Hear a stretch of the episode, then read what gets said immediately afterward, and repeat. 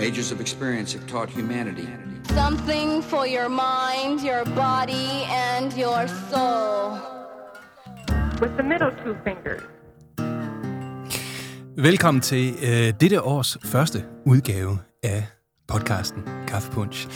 Mit navn det er som altid Rasmus Alenkær, og over for mig, der sidder simpelthen den nyselige, Mm. den nyskabende, Uh. og efter eget udsagn, den også nidkære Nina Andreasen. Jeg vil faktisk gerne være endnu mere nidkær, fordi øh, altså, det er det der med at gå op i detaljer. Mm. Det er jo ret vigtigt, især hvis man godt kan lide ideen om at gøre sig umage. Ja, Men altså, i virkeligheden, så tror jeg faktisk, du er den mest nidkære af os to. altså, hvor, øh, Fordi jamen, altså, når man kigger på, hvor lang tid du har brugt på at, at indrette det her studie, og du, Ja, er jo okay. ikke, du er jo ikke færdig endnu. nej, nej, nej, nej, nej, nej, nej. Ej. der, er altid, Vi er satan. der er altid et eller andet forbedringspotentiale. Og sådan. Ej, nu er jeg nødt til at købe nogle nye stativer, fordi Ja. vi har købt et rundt bord og sådan Ja, noget. ja, ja. Ja. Ja, det, det vil jeg godt lige sige til lytterne. Vi sidder faktisk ved øh, et nyindrettet Bobbalicious-studie, fordi at det har været juleferie, og, øh, og de af os, der ikke rigtig kan sidde stille så lang tid ad gangen, selvom de har været ramt af øh, først en øh, øh, influenza, og derefter en øh, forkølelse, så er der alligevel blevet indrettet lidt. Så, øh, så vi har fået et rundt bord, Ja. fordi jeg synes, det var et problem, at folk de sådan sad og talte ved siden af mikrofonen, og det skal jo lyde hi-fi korrekt, hvilket vi jo talte om i afsnittet med nørderi. Og samtidig så er det også sådan dejligt psykologagtigt, er der det der med, at man skal ligesom kunne se hinanden i øjnene. Ja, point når taken, man- point taken. Ja. Ja. Ja, Så er der også der er kommet lidt på væggen også, har du lagt mærke til det? Ja, ja, ja, Ja. Men der er jo simpelthen ingen smalle steder i Bredgade. Og så er det jo det der med, skulle det være, skulle vi på stativ, eller skulle vi på boomarm? Ja. Ja, og jeg er sikker på, at øh, 99,9999 procent af alle mennesker i hele verden er ret ligeglade. Ja, jeg er faktisk ret men, øh, men i dag, der sidder vi for første gang med øh, sådan nogle små stativer, som vi har vores mikrofoner på. Ja. Men, jeg, men det er jo det, altså Og det er det, der ville sker gerne, i mit liv i øjeblikket. Præcis, og det er der, hvor jeg godt gad at have lidt af din sådan øh, øh, umage og nedkærhed, fordi der kan jeg godt skøjte lidt hen over de der detaljer. Ja, det kan jeg sgu godt. Okay. Sådan virker den. Ja. Altså, kan vi bare stable den om på nogle bøger, eller Ja. et eller andet? Ja. Jamen, jeg kan se, at jeg skal ned til dig, Lasse, lige... Du skal lige kigge jeg, lidt Jeg tager lige en kuffert med, og så. Ja. kigger vi lidt på, Ja. på, hvad der er. Ja. Det er et nyt år, Mm-hmm. 2024. Det er crazy. Jeg kunne slet ikke forestille mig, at jeg var i live på nuværende tidspunkt for øh, 20 år siden. Nej. Er det rigtigt? Ja. Jeg har sådan gået lidt... Altså, nu er jeg jo ikke specielt overtroisk, øh, og, og er egentlig en mand af videnskab, men øh, jeg er en lille bitte smule talfixeret nogle gange. Mm-hmm. Og jeg kan godt lide tallet 8.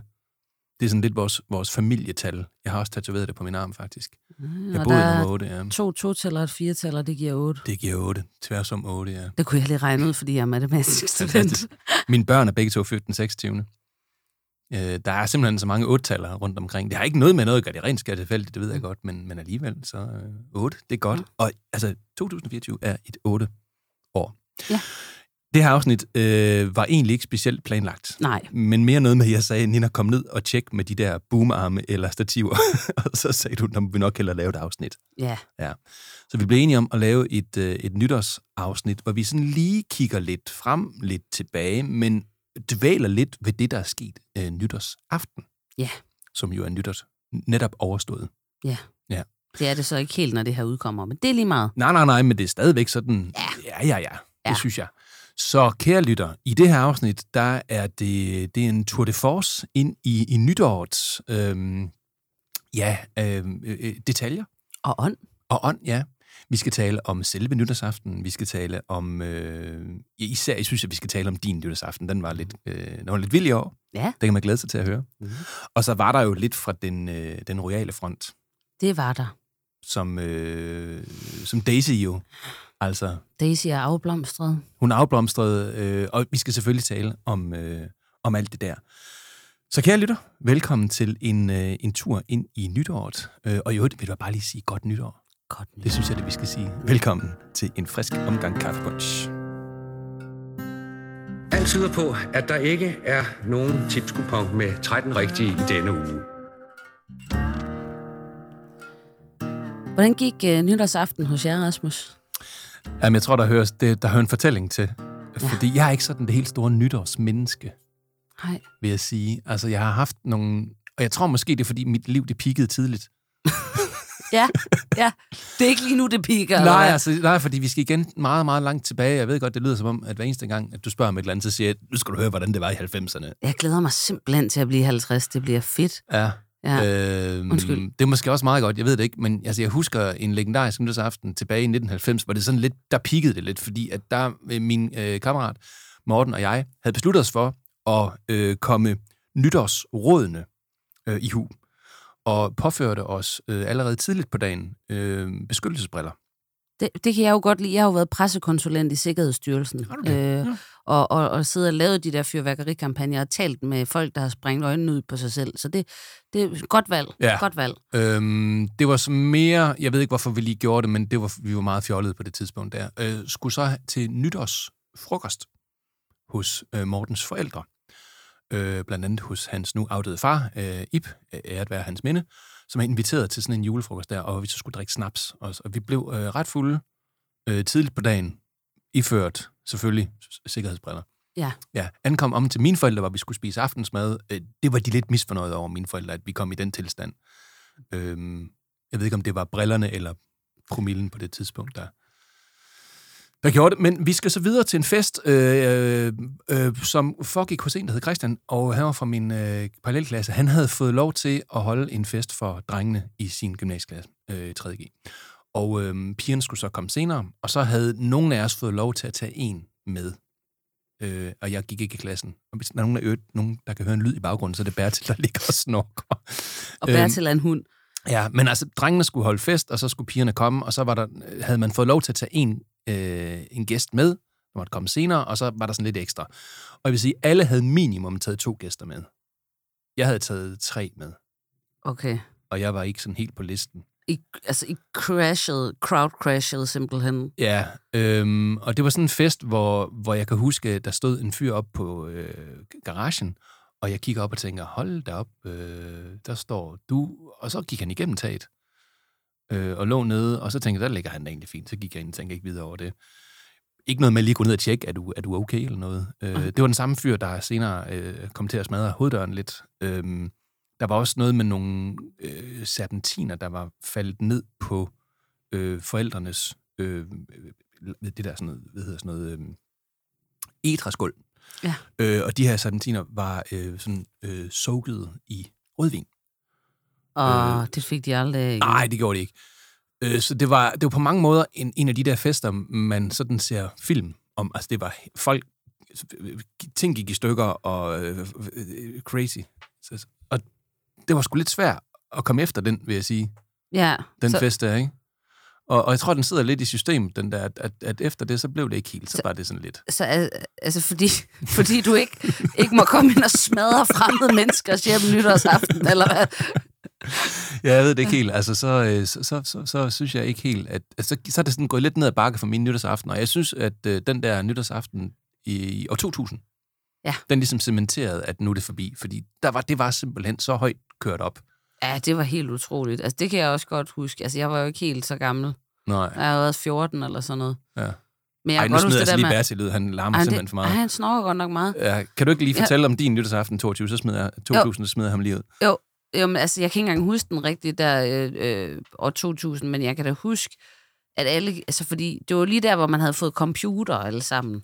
Og så var der det der med, at hvad ville der måske ske, når, når øh, det, ba, ba, Basil er ikke så meget for det. Øh, året starter godt. Men det, men det var det der med, at så ville computer og alt sådan øh, maskinelt ligesom gå i stykker, Ja, øh, når, når man med, ramte ja. nytår og sådan noget, ikke? og man var altid, åh, eksploderer hele verden nu. Y2K der, Og der ikke? skete bare ikke en skid. Ja, det er ikke en skid. Nej. Og det var kørt så højt op, og jeg synes, det er det der problem med festerne, jeg tror måske i virkeligheden, det er det, der er min pointe, det er, at man har de der vildt gode fester, når man er ung.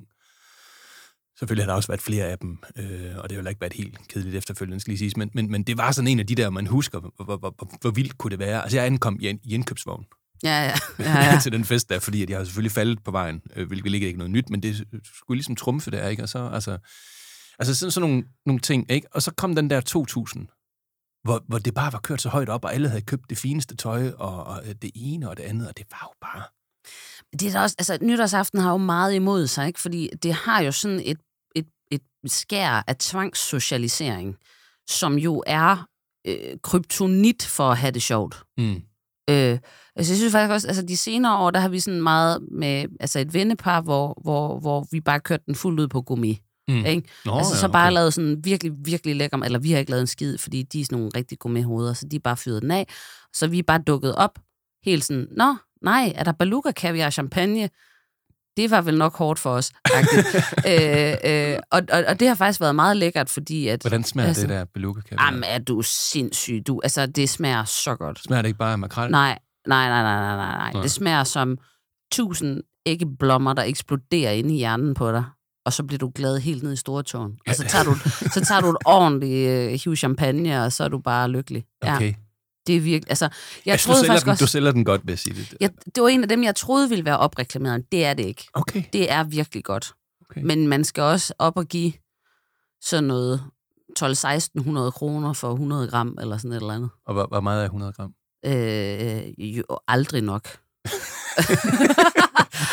Men hvad så kan det være i et æggebæger? Ja, eller? altså det er sådan en dåse, ikke? Øh, Mm. sådan, ja, sådan på den... Ja, nu kan lytterne jo ikke se det, men hvad er det? En god tekop, Ja, en god tekop. Så, Ja. men ikke så høj som en ikke, tekop. ikke så høj som en tekop, Nej. nej. Nej, men det, det er virkelig godt. Så, så altså, øh, altså, der synes jeg egentlig, der har vi sådan skruet forventningerne til festtingen ned, og så bare sk- skruet op for maden Ja. Ja. øh, og hyggen. Og det har egentlig været meget godt. Altså jeg vil sige, vi, vi gik jo så altså, all in på lave forventninger Ja. i år. Ja. øh, fordi vi havde, øh, nu havde vi jo, vi har, vi har jo to øh, voksne-agtige børn, ikke? Altså den yngste er 17, øh, og den ældste er 20, har jeg lyst til at sige. Det er der også. Hvad, Jo, hvad hedder hun? Øh, nej, men, men, men, men øh, det- vi spiste sådan noget mad. Og øh, det var øh, jo egentlig hyggeligt. Louise havde gået hele dagen og lavet det. Det tog et sted mellem 9 og 10 minutter at spise. ja. Ja, øh, så de kiksede lidt, vil jeg sige.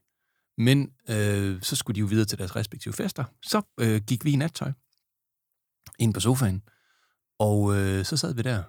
Og jeg tror, øh, vi så øh, Bear Meets Food.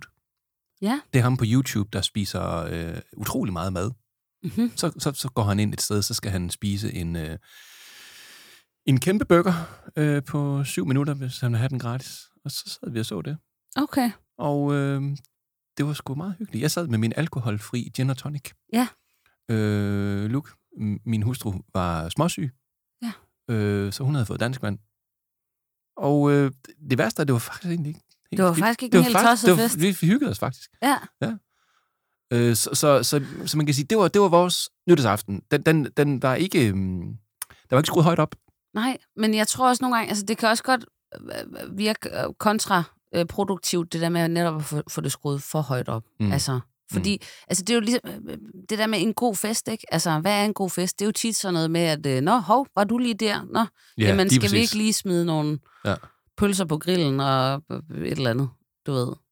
Sådan lidt mere spontant, end at nu har vi sat det i kalenderen, at det er den 31. Ja, og jeg synes også, altså jeg, december. altså jeg har haft sådan lidt præstationsangst, fordi min datter er er jo flyttet væk, så hun kommer jo hjem på besøg. Nu har hun været der nogle gange, og der jeg, jeg er bare sådan lidt, åh oh shit, nu skal det være specielt. Og hvis der er noget, det ikke er hjemme hos os, så er det specielt. Fordi, fordi der er specielt nok i mit liv. Ja. Altså, til at, at, at, når jeg kommer hjem, så må det gerne være super kedeligt. Ja. Der skal helst ikke rigtig ske noget. Det skal Nej. bare være dejligt stille og roligt. Og, sådan, sådan. og så kommer hun jo hjem til det der. Og så får jeg bare sådan, åh oh, shit. Ja, så vil du godt lige øh, have lidt det være- konfetti. Ja, ja. Jeg kan ikke, jeg kan ikke helt altså, finde ud af, hvordan... Men, men, øhm, men det så ud til, at det var, det var, det var fint nok. Altså, det, var, det var ikke øh, det helt store. Der skete jo noget øh, under nytårstalen, som vi kommer tilbage til senere. Det var måske nok det vildeste, der skete den aften. Ja. Men man kan sige, min nytårsaften var jo skruet ret langt ned. Så kan man sige, at din trods alt var skruet lidt mere op. Ja, det var den. Ja, fordi Men- du, du, du, du, du gjorde jo noget. Ja, men det var fordi, vi øh, havde egentlig planlagt, at vi måske skulle ud og rejse, men vi har øh, lavet sådan lidt, sådan, måske en Hail Mary. Vi ser, om der ikke kommer en afbudsrejse et eller andet sted hen. Mm. Og så, øh, øh, så, så ved jeg ikke helt, hvad der gik galt, men måske kom der lidt noget arbejde i vejen, og så var vi sådan, vi ville godt lidt tilbage igen og sådan noget. Og så fredag eftermiddag, øh, og det, at, det var om søndagen, det var nytårsaften, ikke? Fredag eftermiddag, så tænker jeg sådan, hvor kan vi nå hen hurtigt, som er fedt? Og så tænkte jeg Hamburg. Og så googlede jeg nytårsfest i Hamburg. Og så dukkede der en nytårsfest op med, som Altså, hed... du googler simpelthen nytårsfest Jeg i Hamburg. gu- googlede New Year's Eve Party Ham Okay, jeg troede, det var noget, I havde planlagt mega lang tid. Nej, nej, nej, nej, det var i Det er totalt fredags. det er rigtigt. ja, ja. Okay. Og så, øh, så dukkede der øh, et event op, der hed Sorry Mama, og så tænkte jeg, det lyder som noget for mig. og det var så øh, med sådan noget 1920'er-tema, og vi har sådan set meget Babylon Berlin, og hvis du ikke har set den endnu, har du set? Jeg har Du- kun set øh, en to-tre afsnit men for et stykke tid siden, og så gik jeg lidt kold i den. Ja, men prøv Den skal man se igen, det skal forstå. man, altså, også fordi, altså, altså sådan rent æstetisk. Ja, det kan jo, jeg godt huske. Det var vildt. Oh my god, hvor er det lækkert, ikke? Ja. Og det var jo det, jeg sådan så for mig, sådan, okay, 1920'er-tema, du ved, mig i en, i en kjole af en eller anden art, Lasse i et øh, jakkesæt af en eller anden art, øh, ud og danse noget, Ja. øh, øh, et eller andet, hvad, det har jo ikke været sw- swing, men hvad fanden er det? Charleston Flap, måske. flap, Charl, øh, Charleston, Jeg har lyst ja. til at sige Charleston. Men, Ja. ja. Øhm, og sådan med en hel masse andre flappers, øh, noget fra, fra 20'erne der. Det var det, jeg så Flappers, for det mig. der, hvor man sådan spjætter. Ja, ja, ja, og hvor man har de der sådan lidt, altså sådan drengeformede kjoler på, altså hvor det sådan, Ja. ja. Ja. øhm, men, men altså, så, så vi, jeg købte de der, ja, jeg spurgte selvfølgelig lige, vil du med, du ved, derhjemme, men ja, Trods det, alt, vil, det ville ja. han godt. Okay. Øh, og så købte jeg de der billetter, øh, og så, så gik vi sådan, fordi så skulle vi jo afsted allerede om lørdagen, og det her, det var jo fredag eftermiddag, ikke? Mm. Øh, og så gik der jo tøjkris i den, fordi jeg var sådan, jeg, jeg havde sådan en lidt hæftig oprydningsseance her tid øh, i, i, i 2023, hvor jeg smed to tredjedel af min garderobe ud, og jeg havde da nok kunne finde et eller andet i den, men det ligger jo så i en eller anden sæk nede ved frelsens her nu, ikke? Så, Ja, ja. Øh, så, så jeg var sådan, hvad fanden gør jeg? Og så skrev jeg lidt rundt, og så var der heldigvis en gammel kollega, der havde en kjole. Den sad lidt stramt, men det gik. Mm, Mm. Og, og Lasse gik i panik og, og futtede ud der lørdag øh, formiddag og købte et helt jakkesæt med, øh, med vest og alt muligt. Det er den dyreste nytårsaften, vi nogensinde har holdt. Han havde butterfly på. Han havde butterfly. Jamen, han var så flot. Ja, ja. ja. Øhm, ja, og så tøffede vi ellers derned og var sådan lidt... Men lige blev lidt ved det der kjole noget der, fordi Ja. altså, altså 20'erne Ja. mode. Ja. Not my decade. Altså, det, det, jeg synes, det var ikke specielt charmerende. Nej, men så alligevel, sådan fordi lidt- der var noget fri... Men jeg tror også, det er sådan, hvis man ser det i historisk kontekst. ikke? Ja. Fordi indtil der helt op til, til sådan 1910'erne, der har kvinderne jo været i korsetter. Ja, det har været meget viktoriansk og sådan Det noget. har været ja, Edwardian Ja, ja, ja, og det viktoriansk, og Ja. det har været, øh, du ved, altså meget strammet ind og meget sådan holdt på formerne. Og så i 20'erne, sådan efter 2. verdenskrig, så kommer der jo sådan en Måske i Første Verdenskrig. Fri, undskyld, Første Verdenskrig. Ja. Så kommer der sådan en frigørelsesting med, at man skal ud, og man skal danse og sådan noget. Og så smider de jo korsetterne, og så hopper de Nå, i de her sådan, ja. øh, Charleston-kjoler, og hvor der faktisk også, altså det er jo lidt maskulint. Noget af det, altså det er meget sådan fireskåret, og der er Ja. faktisk også en del... Øh, der er altså kvinder, som, som ligesom tog jakkesæt-tingen til sig, og sådan den korte Mhm, frisyre, mhm. mm-hmm. fordi man gad ikke det der med, at man hele tiden skulle gå og, og ordne sit hår og sådan nogle ting. Ja. Og det, det, det har jeg sgu sådan lidt en svaghed for, øh, det der. Men, men altså, det er jo ikke... Ja, Nej, men når jeg siger det, så... Ja, jeg ved det ikke. Det er måske... Det er måske også bare, fordi jeg tænker på dig. Ja. Og nu er du jo ikke... Sorry to say, men du er ikke specielt drenget. Nej, det er ikke. Nej. Øh, og det var også det, der var problemet, da jeg så kom ned i den kjole der, fordi at den var sådan ret stram, og jeg var bare sådan, der er altså no way med, med de her bryster ud over det hele, at jeg nogensinde kommer til at ligne en dreng. Altså, kom nu. men, men altså, man gør det så godt, man kan, ikke? Inden for de øh, Jo, jo. rammer, man har. Havde ja. du også sådan en, øh, en, sådan en lille page med sådan en lille svip? Nej, jeg, jeg valgte ligesom at gå med en, øh, øh, altså sådan et bånd rundt om, om hovedet, hvor man sådan lige kan vikle, altså det var, men, Mm, det var, men mm, altså, jeg prøvede at være meget sådan tidsmæssigt korrekt Ja. i forhold til sådan make-up og hår i hvert fald. Ja. Altså der, hvor kroppen ikke kunne være med, så fra halsen op, der prøvede jeg ligesom sådan at være sådan on time, ikke? Ja. Ja. Okay. Ja. Men, men det, der jo så også hører med til den her historie, det er, at altså, jeg havde jo sådan, fordi på, jeg elsker jo alt tysk, men jeg læser og, og taler meget dårligt tysk. Øh, forstår mm. rigtig meget af det, men jeg, skal, sådan, jeg er ikke så god til at tale det. Så jeg prøvede jo at læse mig ned gennem den her øh, beskrivelse af den her event, og der kunne man faktisk både købe sådan nogle almindelige billetter, og man kunne købe nogle VIP-billetter. Mm-hmm. Og, øhm, og så stod der noget med en burlesk danserin. Og der Aha. troede jeg alligevel, jeg godt kunne, sådan, okay, det er nok en burlesk danser. Øh, altså, det er jo sådan en form for smagfuld strip, kan man sige, ikke? Men så stod der under de der VIP-billetter, at man kunne få sådan nogle private rooms også, og der begyndte jeg at blive sådan lidt nervøs. Fordi, Og du har jo allerede fortalt om en oplevelse med en stripper i New York og ja. en Jack Daniels flaske, og den kan man høre helt I- tilbage i det første afsnit, tror jeg det er. Ja, det er rigtigt. Det var i hvor vi kunstafsnit. taler med Ibi Pibi. Ja. Øh, ja, og, og det her, det var lidt en anden genre, lad os sige det sådan. Ja. Øh, altså, du kan jo faktisk, jeg har faktisk, øh, skal du lige se en video? Det, vi kan jo lægge den op på... Tør, tør, tør, øh, tør Ja, ja, men, altså, vi, hvis vi nu tager en af de smagfulde af dem... Ej, det var ikke...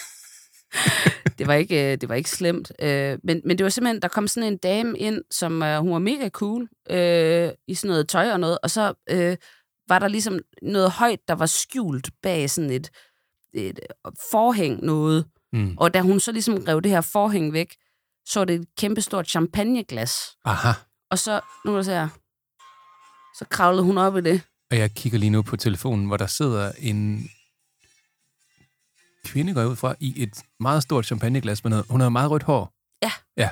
Og, Det ser da ud, som om det sådan er ret det er ret gennemtænkt og lavet. Altså sådan, men, Jo, og det er jo sådan, altså det er jo, det er jo et show jo, altså det er jo, der er jo en koreografi, og der bliver danset, og så bliver der smidt tøj. Det spændende er her, er jo ikke strippen. Det spændende, det er jo, hvordan Lasse han reagerer, når du er der. Ja, og det, det jeg tror, at den Fordi måde, det er det, der er det sjove strip. Det skide med strippen, det er Ja. fint nok. og det han ligesom valgte at gøre, det var at dokumentere, hvad der foregik, ved at, at ligesom filme det, tror jeg, fordi så han ikke behøvede at kigge på det direkte. Bliver han meget forlegen. Ah, Ej, nu vil jeg ikke sidde og udlevere. Nej, Det nu får jeg han. krise i mit parforhold, Rasmus. Øh, han, han valgte i hvert fald at dokumentere det. Jeg kunne lige forestille mig, at Lasse han bare sidder og dukker sig og Uh, tænker, åh oh, nej. Nej, uh. Ja, han valgte at dokumentere, og så, øh, ja. Men, men, men det er bare lige, for- det der med de der private rooms, ikke? Altså, Jo, jeg jo, nåede jo. lige at tænke, fordi de kan jo godt være lidt kinky nede i Tyskland, har man hørt om, i hvert fald, ikke? om. Ja, ja, ja, ja. Øh, Og der nåede jeg lige sådan at tænke, hvad fanden er det for en fest, vi skal til? Mm. Så jeg var faktisk lidt nervøs, da vi gik derhen. Okay. Du ved, Mm. Altså, er det, sådan, er det en gigantisk swingerfest, vi kom til at tilmelde os eller noget? Det var det ikke. Øh, Nej. der var øh, masser af dans og gin og tonics. Hvad nu, hvis der havde været svinger? Altså, hvad havde du så? Havde I så taget det som en oplevelse? Eller? altså, jeg tror måske ikke, I wouldn't have joined the party på den måde, måske, men, Nej. men, øh, men, men altså, hvis det nu havde foregået bag lukkede døre, så kunne man jo så bare ligesom ignorere det, tænker jeg. Ja, jo, jo, jo. Ja, ja. Det var jo nytårsaften, du ved, anything goes og alt det der. Mm. Men nej. Ah, ah, der er jeg lidt snærpet og monogam. Ja. Jeg tror også bare, det er sådan med de der stripper der, at det, altså, jeg har ikke den store erfaring, og er ikke sådan en, der går på stripperklub og sådan noget der. Jeg, tror, jeg har faktisk kun set sådan en strip én gang, tror jeg, det- og og det var til noget polterappen, hvor, hvor vi tænkte, altså det var sådan, det var egentlig meget sjovt, fordi vi tænker, at der skal der være en stripper. Okay, hvad er det eneste, der er bedre end en stripper? Det må sgu da være to stripper. så vi, så vi fik, fik gommens mor til at lave spaghetti og kødsovs, og så brugte vi hele budgettet på to stripper. og jeg, jeg synes virkelig, det var mærkeligt. Øhm, ja, men det eneste, der er mere mærkeligt, det er mandestrip. Åh ja. Det er så grimt, Rasmus. Altså, Ja, det er jo ikke, altså, Jamen, det er ikke godt. ej, sådan en mand, der gør sig til Ja. på den, ej, det er ikke, altså Var der sådan, det- var der nej, det nej, nej, nej? Nej, det var der ikke i Tyskland, men man har vel været til et polterappen en gang. Altså, jeg, den ene stripperhistorie, jeg har, jeg har kun to af dem. Den ene, det var den der boldappen, og jeg kan egentlig ikke specielt huske noget fra det. Det var, det var hyggeligt nok og fint nok, og sådan som det var. Men en anden gang, det var dengang, jeg spillede musik. Øh, og så spillede vi op på noget, der hed Tolboden i Nykøbing Mors. Og der var vi sådan, der spillede vi rigtig meget. Og det var sådan et lille bitte samfund, og de kunne rigtig godt lide vores orkester. Så vi var sådan lidt stjerner af en eller anden årsag deroppe. Og, så, og det her, det var tilbage dengang, hvor der var noget, der hed Stripperkongens Piger. Jeg ved ikke, om du kan huske det program. Men, Jo, Ja, nogle lytter kan måske, men det var sådan en meget stor ting. Det var, det var øh, TV5 eller TV3, sådan et eller andet, hvor, hvor man fandt på en eller anden anledning til at vise nogle, nogle nøgne damer. mm, Øh, og så kørte det. Og den her aften, der var Stripperkongens Piger i Nykøbing Mors. okay. Og vi var jo sådan lidt, okay, vi skal spille i Nykøbing Mors. Stripperkongens Piger er der. You do the math. Det er super kedeligt at være på tur, skal lige siges. Altså, der er- sker jo intet, og man har jo hinanden fire mand i en bil, eller fem, eller mange man nu er, inklusive teknikere og sådan noget. Man keder sig. Jeg tænker, okay, stripperkongens piger, det skal vi, det, det skal vi overse. Så vi gik over for at se stripperkongens piger, og der var fuldstændig tomt. Der var kun os derovre. Og så spurgte vi øh, DJ'en, hvad, der er stripperkongens piger, og der er kun os. Hvor er alle folk henne? Jamen, de sidder og venter på jer et andet sted.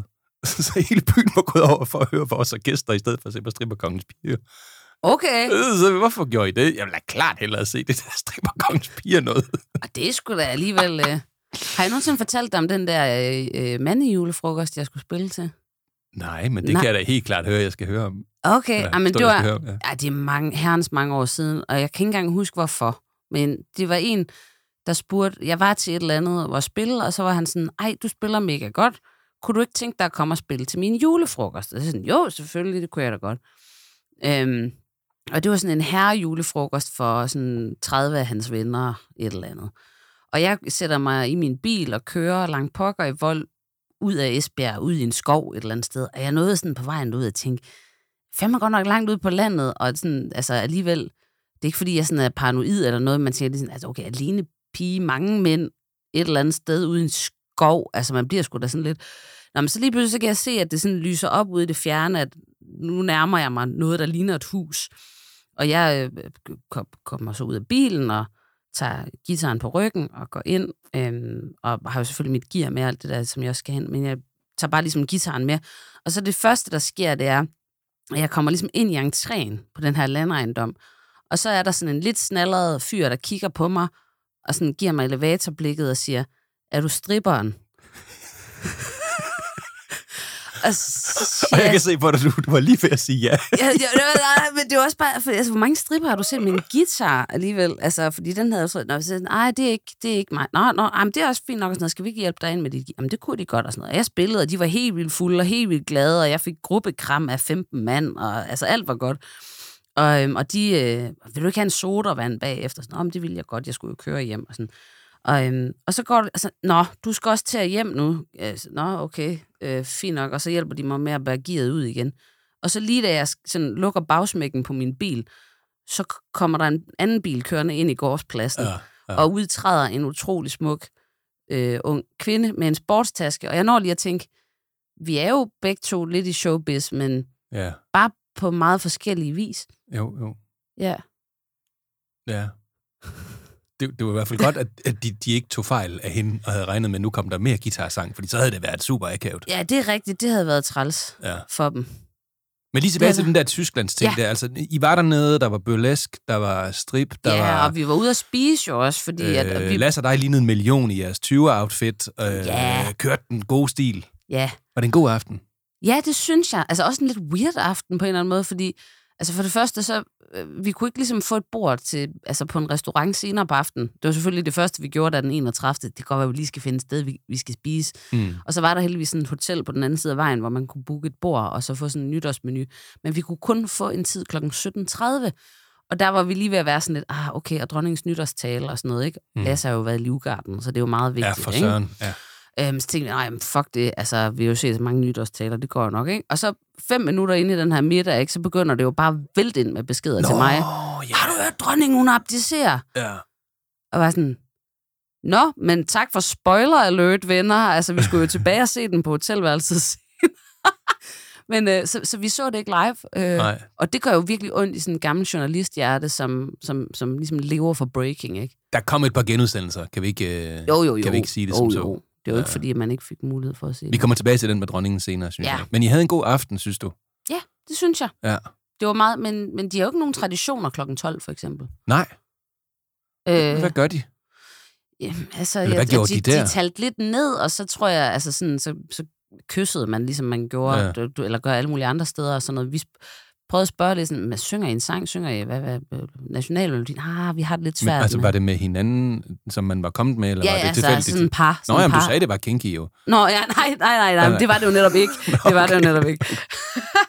men, øhm, men, øh, men vi spurgte sådan, altså, hvad synger I en sang? Synger I jeres nationalsang? Og sådan, ah, vi har det lidt svært med Deutschland über alles, du ved, sagde mm-hmm. de så. Nå, åh ja, det er rigtigt, det havde jeg lige Men glemt. den er stadigvæk i, øh, i erindringen. Det skal jeg sætte med love for. det der, ja.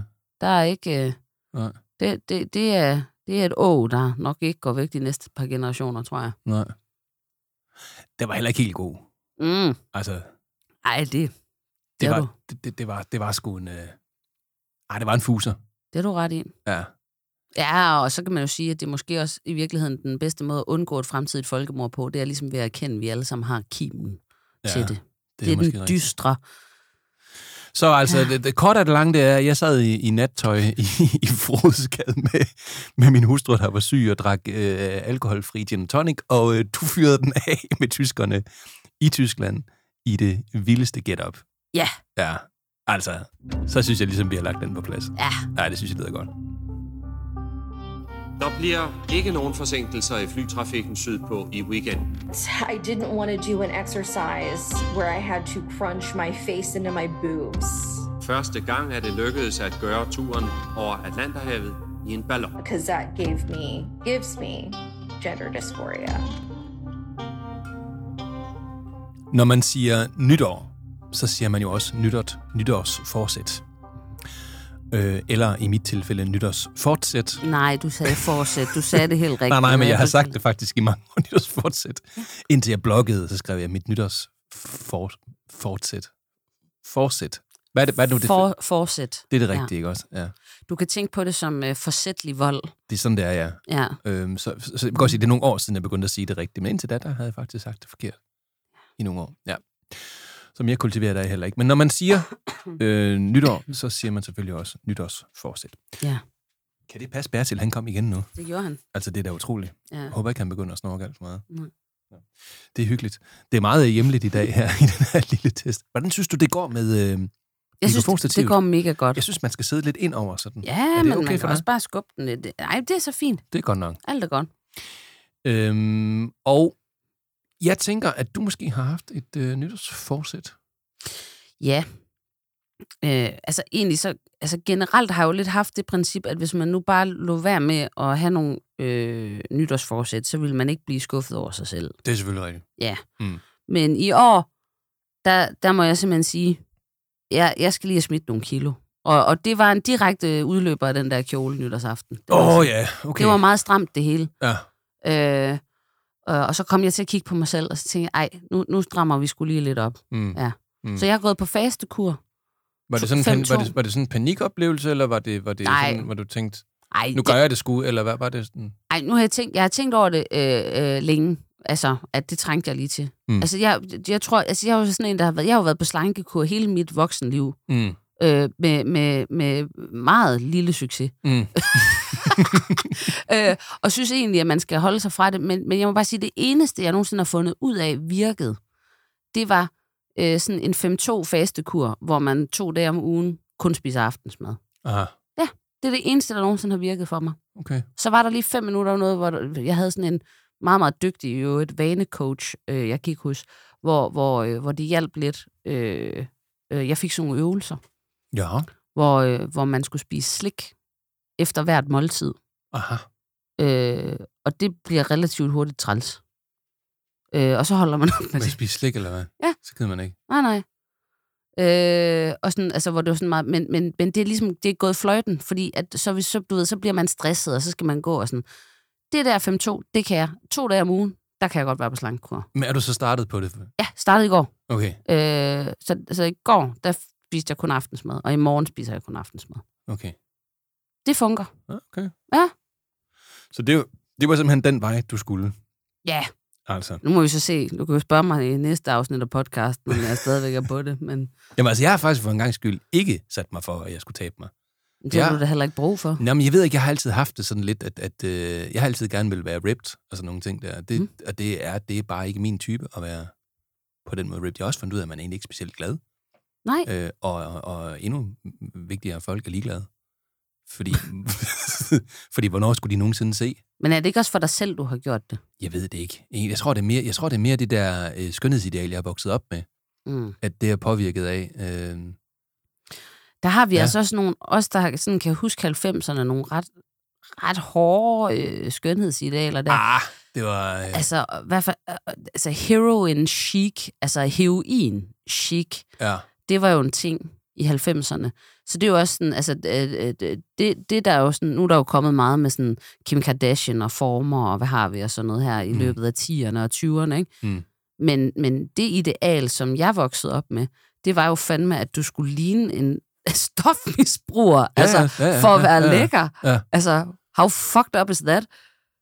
Altså, ja, ja det Og- var det. det. Det var rigtigt, ja. Og ja. for dig, så har det jo så været sådan noget mega six-pack og Jeg ved det ikke. Det er så en, en eller anden dybde psykologisk ting, kan vi vel godt køre ind over det. Jeg tror bare, det har været sådan et ideal, man altid har haft. Altså, og jeg, jeg er bare ikke typen, der er. Altså, jeg har været altså, ripped på et tidspunkt, hvor jeg satte mig for, at jeg ville være det. Øh, og det var... Og det var du fandme også. Ja, det var jeg. Altså, I og, saw the pictures. Ja, og øh, der var, øh, det var faktisk enormt koldt. Mm. Jeg gik faktisk og frøs hele tiden. Du havde, du havde ikke det der, Der spæklag til at... jeg havde ingen fedtprocent simpelthen, og jeg trænede helt åndssvagt. Det var altså, på mange måder faktisk en sjov proces, fordi jeg talte egentlig bare kalorier. Oh, ja. Og så satte jeg mig for egentlig at skulle, øh, skulle ramme et eller andet antal. Og det gjorde jeg faktisk. Og jeg var ikke rigtig sulten på noget tidspunkt. Og jeg synes ikke rigtigt, det var sådan et problem. Men jeg kunne godt mærke, at jeg stressede mig selv og mit system, og det kom jo også på igen, alle de der Mm. kilo der. Så nu har jeg egentlig sat mig for, at øh, kan vide, hvad der vil ske, hvis man gjorde det modsatte. Altså, så jeg er sådan lidt altså Seinfeld-inspireret. Altså, Du giver slip? nej, nej, mere det der afsnit. Har du set Seinfeld-afsnittet, der hedder The Opposite? Nej. Nej, men det, det er et legendarisk afsnit, som jeg også vil anbefale til lytterne. Altså Seinfeld, som er den her fantastiske komedieserie fra 90'erne. Nu siger jeg komedieserie, jeg mener jo selvfølgelig Bibel. øh, i, mit, i, I min forståelse. Men øh, Seinfeld øh, er jo sådan en, øh, altså en ensemble-komedie med Jerry Seinfeld, som er, øh, synes jeg, den største stand-up-komiker, vi har haft nogensinde. Jeg har set ham live i øvrigt. Øh, George Costanza, som er i virkeligheden øh, en figur, øh, som er bygget på øh, Larry David. Der, var- der var ham, der laver Curb Your Enthusiasm. Uh, ja. Ja. Ja. Larry David og Jerry Seinfeld skriver jo Seinfeld-serien sammen. Men Larry David er ikke en særlig god skuespiller. Øh, så han valgte så en, en anden en til at spille ham. Øh, men i Curb Your Enthusiasm, der, der er han faktisk okay, altså Larry David, selvom han ikke spiller skuespil, skuespil. Han spiller virkelig sig selv. Men der er så øh, der er Det George er lidt Costanza. ligesom Woody Allen. Ja, George Costanza, han er, ja, ja, jo. Øh, George Costanza er en sådan lille, lille skaldfyr, øh, som er Jerry Seinfelds ven. Så er der Elaine, som er deres, øh, deres kvindelige veninde, og så er der øh, Kramer. Ja, Kramer. Ja. Oh, elsker Kramer. Og de, øh, de kommer så ud for en hel masse ting i de her, jeg ved ikke, 180 afsnit. Der er, der er sådan rigtig mange afsnit. Men et af de bedste afsnit, synes jeg, det hedder The Opposite, fordi George Costanza her, han kommer altid øh, i ufør. Det går altid galt for ham. Og øh, han er selvfølgelig også, han har lidt den der klovne-funktion i serien. Men på et tidspunkt så går det op for ham, at øh, alt, hvad han altid har gjort, har altid været forkert. Ja. Og så siger Seinfeld, at måske er dit instinkt bare tunet 180 grader forkert. Mm. Så hvad nu, hvis du gør det absolut modsatte af det, dit instinkt siger dig? Så må det jo være det rigtige. Og da det bliver sagt, så går George med det samme op til barn, de sidder inde på deres café, og så, og så øh, der er gået sådan en, en, en smuk ung kvinde forbi, og øh, George siger, ja ja, hende har jeg jo ikke nogen chance med. Så siger Jerry, jamen, øh, hvad nu hvis du gør det modsatte? Så går George op og siger, goddag, jeg hedder George Costanza, jeg er 35, tror jeg. Jeg har ikke noget arbejde, og jeg bor hjemme hos min mor. Og så siger hun, hej, vil du ikke sidde ned? så, så jeg tænkte bare, kan vente, jeg har faktisk lidt sådan et år i år, hvor jeg tænker, nu prøver jeg lidt the opposite. Altså, for Ja. eksempel, så prøver jeg simpelthen det der med, hvad nu, hvis man ikke har, har slankekur? Ja. ja. det har faktisk været helt fint. Øh, også noget så, så fredeligt som, at øh, jeg plejer altid at sove i hvide t-shirts, for det skulle være så fredeligt. Øh, det- Jeg jeg sover egentlig ikke specielt godt, eller specielt dårligt, så nu har jeg tænkt mig, nu vil jeg sove i sort t-shirts. Okay. Ja, med heavy metal øh, logoer på, selvfølgelig. Ah, Ja. er det et koncept? Okay, hvor, hvor, hvor meget har du, altså det her opposite, altså det modsatte, hvor meget har du tænkt dig at brede det koncept ud? Jamen, jeg har forskellige ting, jeg arbejder på. Ja, Øh, jeg kan ikke lige huske så mange af dem, og de er ikke helt sådan færdigt konceptualiseret, men bare generelt, bare med at prøve noget andet. Ja. Bare prøv at gøre, du, du plejer altid at gøre det her. Synes du egentlig, det er specielt fantastisk? Nå, det minder mig lidt om modsat. vores afsnit, der hed Nørd, hvor du talte om det der med at være hi-fi korrekt. Altså ja. det er sådan, ja, så bliver der ligesom sat nogle, nogle, nogle regler, eller nogle koncepter op, hvor, ja, okay. Ja, ja, det kan godt lidt være den der vej, og så skal jeg bare Ja. prøve at gøre det modsatte. Og, og jeg tror, at øhm, på mange måder, så tror jeg faktisk lidt, det er, det er lidt en ting. En ting, som, som øh, er interessant, det var, jeg læste jo øh, lidt på videnskaben omkring nytårsforsæt. Ja. Og øh, det er jo øh, inden for adfærdspsykologien det dummeste, man kan gøre. Ja. Altså, det er helt sikkert, at man kommer ikke til at lykkes Nej. med det. Så måske kommer jeg på slankekur i virkeligheden, fordi jeg lykkedes ikke med at være på slankekur. Det er måske, det er jo meget godt i virkeligheden, ja. Hvis man tager os lidt. Men, øh, men altså for eksempel så stod der, at det, det bedste, man kunne gøre, hvis man vil lykkes med sit nytårsforsæt, det er at starte tre måneder tidligere. Ja. Ja, og øh, det passer faktisk på mig, fordi jeg har jo, jeg har faktisk øh, jeg har jo lagt alkohol på hylden. Ja. Øhm, jeg har lært at sige, at det skal man ikke sige, at man gør permanent, men øh, jeg har ikke drukket alkohol siden den 17. september. Mm. Og jeg har sådan en app, hvor der står i, hvor mange dage det er, bare for, bare for sjov, altså. Ja, ja. Øhm, og, og hvad hedder det? det? Det er jo tre måneder, Ja, nogenlunde i skrivende stund, ikke? ja, ja okay. Ja. Så, så hvad hedder det? Det har faktisk overhovedet ikke været noget problem at have en jul uden alkohol, og en øh, nytårsaften uden alkohol. Jeg synes fandme, det er godt gået, fordi Jamen, det synes jeg egentlig ikke engang, det er. Men det er pænt af dig at sige tak for det. Men, jeg, jeg men, synes, det har været svært at undgå. Er det rigtigt? Ja, der er jo portvin for fanden. Der er portvin. Jamen, du havde heller ikke sat dig for, du skulle... Ej, ej, det har jeg aldrig gjort. Nej. Øh, fordi altså, der har jeg måske også tænkt, der er ingen grund til at fejle lige på den. Nej, det er selvfølgelig også, men jeg synes, jeg, jeg synes, jeg har ikke taget sådan et heldigt valg omkring det. Jeg har ikke, det kan godt være, at jeg har en mening om alkoholkultur, det har jeg helt sikkert, og en, en, en mening om alkohol og øh, øh, socialisering og alkohol og børn. Det har jeg helt klart mm. nogle mening om, men det er faktisk ikke rigtig noget med det, jeg gør. Det er bare sådan et personligt valg, jeg har taget, fordi at jeg kan mærke, øh, at, at jeg er lidt, lidt for god til at falde i. Mm. Ikke? Så hvis, hvis jeg får, får alkohol, så, så synes min hjerne, det er faktisk dejligt. Jeg har Ja. lidt en, en, en, en dopamin øh, ubalance i, i mit hoved øh, øh, kvæg min diagnostik, og det gør, at, at, at, at det, det er appellerende at få alkohol for mig. Ikke? Øhm, det betyder ikke, at jeg har været alkoholiseret eller har drukket meget, men det betyder bare, at, at jeg synes også, det er hyggeligt dagen efter, og synes også, det er hyggeligt dagen efter, og så også det er hyggeligt dagen efter. Og det kunne jeg se, det udvikler sig til et mønster. Altså, Ja, så selv, selvom at det ikke var sådan, du ved, sølle og alkoholiseret, og altså, aldrig gjort noget ulovligt, eller noget, jeg ikke skulle, jeg aldrig arbejdet påvirket på den måde. Det har altid været sådan en aftenting for, for ligesom at få ro på, øh, hvis det har været, ikke? Så jeg kunne bare se, at det blev lidt for meget. ja. Og så tænkte jeg, nu, nu, nu, nu tror jeg, jeg skulle lige, vi dropper det. Jeg synes, det er mega sejt, altså. Og, og Det- jeg, jeg fandt ud af, at der var nogle tricks til at gøre det. Okay. Og det handlede bestemt ikke om 1. januar. Nej, Og jeg, kan, altså, jeg vil godt lige sige til lytterne, at det her det er ikke alkoholrådgivning, det er slet ikke. Det er bare et lille personligt projekt, jeg har. Øhm, jeg har gjort det før også. Altså, jeg har også taget to år tidligere og øh, tre-fire måneder på et tidspunkt og sådan noget. Altså, men jeg fandt, ja, det, det, jeg- det, jeg gjorde, det var, at jeg satte mig for, nu, nu, nu, nu, nu tror jeg faktisk lige, det har jeg faktisk lyst til. Jeg har ikke lyst til det, jeg får ud af det de første par dage, fordi det er sikkert surt, eller den første uge, eller den første weekend, det var virkelig Mm. mm. det, der var problemet. Ikke? ja. Øh, for jeg tror, at den dag, jeg stoppede, det var vist en søndag eller en mandag. Det, det, det, Ja, det, ja, det, så skal, nok, man- det skal nok gå, ikke? Så tager man på arbejde, og så, ja, ja, så, er det, fint så er det fint, ikke Så også? fredag eftermiddag. Så, så, Ah. så, så bliver det interessant. Øhm, så, så det var egentlig ikke et, et problem. Men, men det der med, at man ikke siger, nu stopper jeg med alkohol. Mm. Øhm, men jeg lader være med at drikke i dag. Det er simpelthen nøglen. Ja. Så, så jeg, det, jeg lærte mig simpelthen, i stedet for at sige, nu, nu, nu skal jeg aldrig mere alkohol. Det, det kan da godt være, skal det. Men jeg skal ikke have alkohol i dag. Og jeg tager lige morgen med. Ja. Og så siger jeg det hver dag. Det er et meget godt tip. Ja, det er lidt det samme med det der fasteku. Jeg lader, jeg lader lige være med at spise i dag. Ja, ja, og tager lige Så morgen spiser med. jeg i morgen. Ja, Nej, ja. ja. Ja, eller, eller hvad man nu Det gør, kunne- ikke? ja, Altså, ja. i mit tilfælde, så, så vi tager lige morgen med. Ja. Ikke? Det kan godt være, du drikker i overmorgen, det må du selv finde ud af. Men vi har kun to dage i gang. Jamen, det er det der med, at man får net- netop lagt sig selv i sådan en mental benlås på en Ja, eller anden måde, ikke? ja. hvis det sådan er ultimativer. Og, Og, hvad sådan, nu hvis? Og, Ja, ja, ja. Og, og, så, så det var sådan den Altså, det kan måske være en løsning, hvis man vidderligt har et, altså sådan et alkoholmisbrug, Ja, eller sådan, ja, altså, at ja. det, fordi det lyder mere som om, det har været sådan lidt et irritationsmoment mere for dig, end det egentlig har været sådan... Ja, og synes jeg også lidt for meget i perioder. Altså, altså mere fordi, jeg, har- jeg har svært ved at få ro på. Altså, mm. øhm, og, og svært ved at, at tone ned og sådan noget der. Og derfor så kan man sige, så har jeg har brugt alkohol nogle gange til at, at komme ned. Hvilket er en almindelig ting i performermiljøet. Det ved du alt om jo. Ja, At man får lige tak. pøl, når man er færdig og sådan noget, ikke? Og det kan godt udvikle sig. Det kan også være skide sjovt. ja. Øh, og, og det har Jeg har tit undret mig over, at jeg ikke er blevet alkoholiker. Altså, det burde jeg være blevet. Altså, ja, hvis jeg havde det i mig, så burde jeg være blevet det Ja, nu. det tror jeg også med mig. Det, det har jeg aldrig.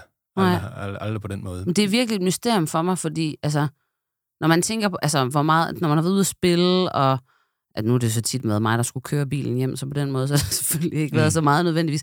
Men altså, fester og øh, alt muligt, og Ja. ting, man har gået til og sådan noget, ikke? Altså, der er godt nok blevet kørt nogle genstande ned i årenes løb. Jeg, jeg er virkelig undret mig over, at jeg aldrig er blevet alkoholiker. Jeg tror simpelthen ikke, jeg har det i mig. Jeg tror, jeg har min fars øh, Ja. ja. harnyre. Og Jeg har heller ikke i mig at gå i hundene. Altså, Nej. det, det, jeg har simpelthen for mange ting, jeg skal. Men, Ja. øh, men, det er for travlt. jeg er for travlt. Jeg skal både lave gear og stativer og alt muligt. Men, men, men, men jeg synes i hvert fald, nu, nu var tiden inde til, at vi lige sagde stop med det. Så jeg sagde simpelthen en dag i gang, og så vi tager lige morgen med. Det, det var en ting. Og en anden ting, jeg fandt ud af, man skulle gøre, det var, at man skulle finde noget support. Ja. Så jeg startede øh, den første uge øh, hver morgen med at se YouTube-video med et eller andet alkoholstop. Okay. Og det lyder måske cheesy, man må helt selv bestemme, hvordan det lyder. For mig var det en kæmpe hjælp. Hvad, hvad, hvad, hvad sagde Jamen, så var de det så? bare, her er, hvad du, her er hvad, du kan, hvad du kan forvente den første uge, når du stopper alkohol. Eller her, er- her er, hvad det, hvad, det, hvad det gør ved din krop, at du har valgt at tage det her. Eller øh, husk nu, der er den her kanal, og kom tilbage. Du kan altid komme tilbage. Vi er her for dig, hvis det er, ikke? Eller, det var sådan, altså, det, du, du er virkelig faktisk enormt øh, motiverende at se de der videoer. Ja. Og, og man skal huske på, hos mig er det ikke på den måde en afhængighed, jo. Det er Nej. måske noget, der endnu værre, det er en vane. ja. og vaner, de skulle også være... Ja. Ja. Ej, jeg ved godt, at afhængighed er selvfølgelig øh, meget mere alvorligt, men, men bare det at ændre en, en vane. Mm. Fordi, hold kæft, jeg synes, det er hyggeligt at få en drinks til aftensmaden. Ja. Når dagen er færdig, og så går Jeg går lige og et mad, glas og så, rødvin. så, skal vi lige og have en, så er det lige hyggeligt der, ikke? Og sådan, men, men du skulle jo ikke det. Ja. Mm, Så, øh, så jeg fandt noget support i den der YouTube der. Og så vil jeg sige, den sidste ting i denne alkoholrådgivningssektion af vores podcast lige pludselig. Øh, så fandt jeg ud af, og det var faktisk, det var faktisk ret tankevækkende i en af de her YouTube-videoer, det var, at de sagde, lad nu være med at sige, at du vil lade være med at drikke en måned. Det, det, det, det er også noget af det dummeste, du kan gøre. Der er mange dumme Mm. ting, men det er en af dem. Du skal lade at sige, at, at jeg, vil, jeg vil holde op en måned. Fordi dermed siger du også, at når der er gået en måned, så vil jeg belønne min indsats med det, der har forpestet dit liv indtil nu. Altså, Ja. grunden til, at vi sidder og snakker nu, det er, fordi du har valgt noget fra, som ikke virker for dig. mm. Så om måneden, når du har gjort en indsats, så vil du belønne dig med det, der ikke virker for dig. Det, men det, altså, det må også ud fra et psykologisk perspektiv, eller psykologperspektiv være skidespændende, ja, Ja, fordi jeg, ja. jeg har jo, øh, altså, jeg, jeg går også og prøver på at sådan, øh, ændre nogle vaner her der. For eksempel, så nu, nu er jeg faldet helt af på den igen. Men øh, jeg, jeg begyndte jo at træne i sommer, og holdt faktisk ved i rigtig længe. Øh, December, det fuckede det bare helt op for mig. Men, øh, men der lavede jeg nemlig en aftale med mig selv, fordi jeg sådan indrettet også, at jeg kan godt blive enormt fokuseret på et eller andet.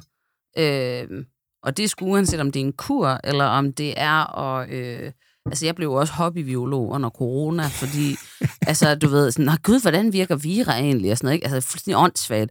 Men, men det der med, at man bliver sådan fokuseret på et eller andet.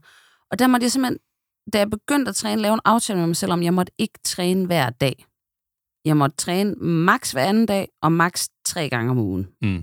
Fordi ellers så vidste jeg, at så ville jeg øh, i min iver og min øh, umiddelbare motivation smadre mig selv den første uge, Mm. og så bare være sådan, øh, gider ikke det her lort længere. Øhm, så der er, altså, der er ret mange ting, hvor man sådan, hvis man kan prøve at ligesom sætte sig selv lidt mere op til succes, i stedet ja, for, ja, ja, ja, at, at det bliver sådan noget ultimativt fjol. Ikke? ja, det er det. Men, men, men man laver de der langsigtede mål. Men kig dog lige Ja. på den her dag først. Træf en god be- mikrobeslutning Ja. ja. nu, og så træf en god mikrobeslutning om 10 minutter, og så en igen om? Ja, 30, og så kan det være på sigt, at det nok bliver meget godt. ja. Og så justere forventningerne, fordi jeg regnede med, at jeg ville tabe mig 10 kilo og øhm, Ja. øh, altså, ligne øh, David Beckham. Ja. Øhm, oh, ikke. og jeg synes ikke, der er langt fra, men der er lidt endnu. Du ser sgu meget godt ud, Rasmus. Det var pænt sagt, Nina. Øhm, så jeg, jeg regnede faktisk med, at der ville komme en større, altså sådan kropslig effekt ud af det. Ja. Jeg kan mærke, at jeg er blevet friskere, og det er sjovt at få, øhm, få, få, få weekendmorgenerne med. Altså, det er faktisk meget hyggeligt. Ja. Også selvom det har været en, den, en mørk periode nu her. Så, så det har egentlig været, altså det er fint nok. Jeg regner med, at jeg vil tabe mig helt åndssvagt. Og det, og det gør jeg ikke. Men helt klart kan man se, at jeg er mindre oppustet. Ja. Så det er Ja, faktisk... men det er rigtigt, det kan alkohol godt. Ja. Ja. Jeg tror faktisk lidt, jeg har det modsatte øh, nytårsforsæt. At jeg gerne vil drikke mere alkohol. i hvert fald gerne holde mere fest. Okay. Gerne have mere sjov i 2024. Du vil simpelthen gerne drikke mere alkohol? Ja, det Ja. ja. tror jeg. Okay. Ja. Ikke nødvendigvis i hverdagen, Nej, bare sådan til fest. bare til fest. Og skal ja. der beluga kaviar til, eller hvad? Ja. Ah, det lyder bare Det skal rigtig være godt. dekadent af helvedes til. If you spend $100 and you get a $10 reward, you just made $10. That's that's that's that's not accurate. That's that's not how that works. Der skete jo altså noget nytårsaften, som øh, du først så sådan lidt forsinket, og jeg sad og så det. Altså, jeg har jo i to år nu fulgt med i Ukrainekrigen i real time på Twitter. Mm. Øh, Mm. at, jeg ved godt, det hedder X nu, men i min verden hedder det altså Twitter, uanset hvad Elon Musk kan sige. Øh, og har jo ligesom følt, at jeg har været ligesom foran på beatet. Konstance. Ikke? Okay. Jeg har jo vidst, hvad der skete. Ja. Øh, og så er det kommet i TV-avisen to-tre dage senere. Ikke? Ja. Og nu har jeg også nogle kilder sådan i nærområdet. Mm. Øh, og, og, og, og at- altså, det er jo det, at når man, når man har sådan en faglighed som journalist, nu er det godt nok mange år siden, jeg har arbejdet som det, men så har man sådan den der, den der trang til breaking, og den der trang til at kunne fortælle andre om, hvad der sker, og berette. Og, og der gør det jo bare ondt at sidde midt i en fucking hummer på Hotel Eloise, et eller andet, øh, øh, øh, i Hamburg, ikke? Ja. Øh, og, og, og sidde der og prøve med den der lidt lær- øh, lange, mærkelige gaffel, og ligesom få fisket kødet ud af, af, af, af hummerkloen, øh, mens det bare begynder at vælte ind over en med sms'er fra folk. Har du set dronningen abdicere? Altså, mm. det gør da ondt på ens stolthed. det gør det da. Altså, det, der gjorde mest ondt på mig, det var, at det her, det var første år, hvor jeg ikke sagde hele dagen, høre, i aften, der siger hun op. og det har jeg bare det sagt, rigtigt? ja, det har jeg simpelthen sagt så mange år. Nå, du og så, callede den. så kom, ja, det har jeg gjort alle de andre år. Ja. Og det her år, så satte jeg mig ned der, så, så begyndte jeg, ej, ej, ej, hun gør det sgu, hun gør det sgu. What? Ah, shit, det skulle jeg have spillet på, ikke? Fordi det var Ah. det helt Gud, alvorligt. kunne man også på det? Ja, ja, man går også på alt muligt. Altså, jeg tror i hvert fald, de sidste 10 år, der har jeg sagt det hver år. Okay. Men øh, Altså, jeg, jeg, jeg, altså, jeg tror bare, at hun har sagt så mange gange det der med, at hun, du ved, at man ligesom falder af pinden på et tidspunkt, og så er det den måde, man kommer ud af det job på. altså, var Øh. der nogen, der reagerede dernede? Var det, altså, var det, var det en ting i Tyskland? Øh, nej, altså vi talte med nogen, sagde, Nå jamen, og vores dronning har lige abdiceret. Nå, okay, sagde de så. Men altså, jeg tror ikke rigtigt, de... Øh, Nej, de har nok ikke samme forhold nej, til det, vel? altså, måske, måske hvis man havde draget en lille parallel. Prøv at få, kan I huske, da Angela Merkel, hun gik af? Så kan det være, at de måske åh, okay, det har nok været stort nok, eller sådan. Ja. Øh, Men hun har ikke på den anden side den samme historik og nej. den der øh, forbundethed til fortiden, som, som en dronning og en kongerække og en dronningerække jo har. Altså, det er jo, det er jo historik Ja. et eller andet sted. Det er også en masse andet.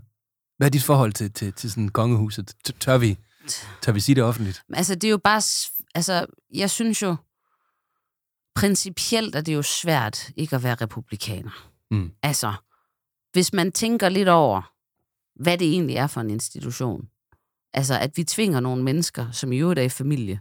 Mm. Det, altså, det er jo frygteligt. Altså, det, nu så vi jo titelkrisen der sidste år med, rigtigt, med stakkels Joachim og børn, og nu skulle de ikke være prinser mere. Sådan noget. Vi tager jo en familie og propper dem ind i et socialt eksperiment, eller The Truman Show, øh, øh, den der film med Jim Carrey, ikke? Ja, ja. Øh, og, og, og, og så skal de være der, og de må ikke sige, hvad de mener om ting. Og så giver vi dem en masse penge, og så skal de møde op og klippe snore. Øh, og de skal ligesom prøve på en eller anden måde at være relevante, men øh, de må ikke være så relevante, at det bliver alt for specifikt heller. Altså, det er jo, det er jo, det er jo et bizart show på den måde. Ja. Men, men så har jeg jo sådan en dobbeltholdning, fordi jeg har jo altid godt kunne lide lige præcis dronning Margrethe. Mm. Jeg tænkte, hende gad jeg fandme godt dele en flaske rødvin med. Ikke lige fra Chateau Kajs, men et eller andet andet sted. Øh, for jeg tror faktisk, at hun er både øh, ret intelligent, og så tror jeg også, hun er ret sjov. ja. Jeg tror fandme, hun er humordamen. Altså. Mm. Den kommer ikke så tit ud, den der humor. Altså sådan, Ah. fordi det er jo meget officielt, sådan ting, hun laver, og det er sådan, du ved, med, Ja. Med høje og fine bevægelser, ikke? Men så er der alligevel sådan nogle, øh, nogle gange, hvor der kommer lidt... Øh, hun, hun lavede et større interview med Martin Krasnik på Weekendavisen her. Øh, øh, hvad var det? Sådan noget. Det var inden hun blev opereret der i marts 23.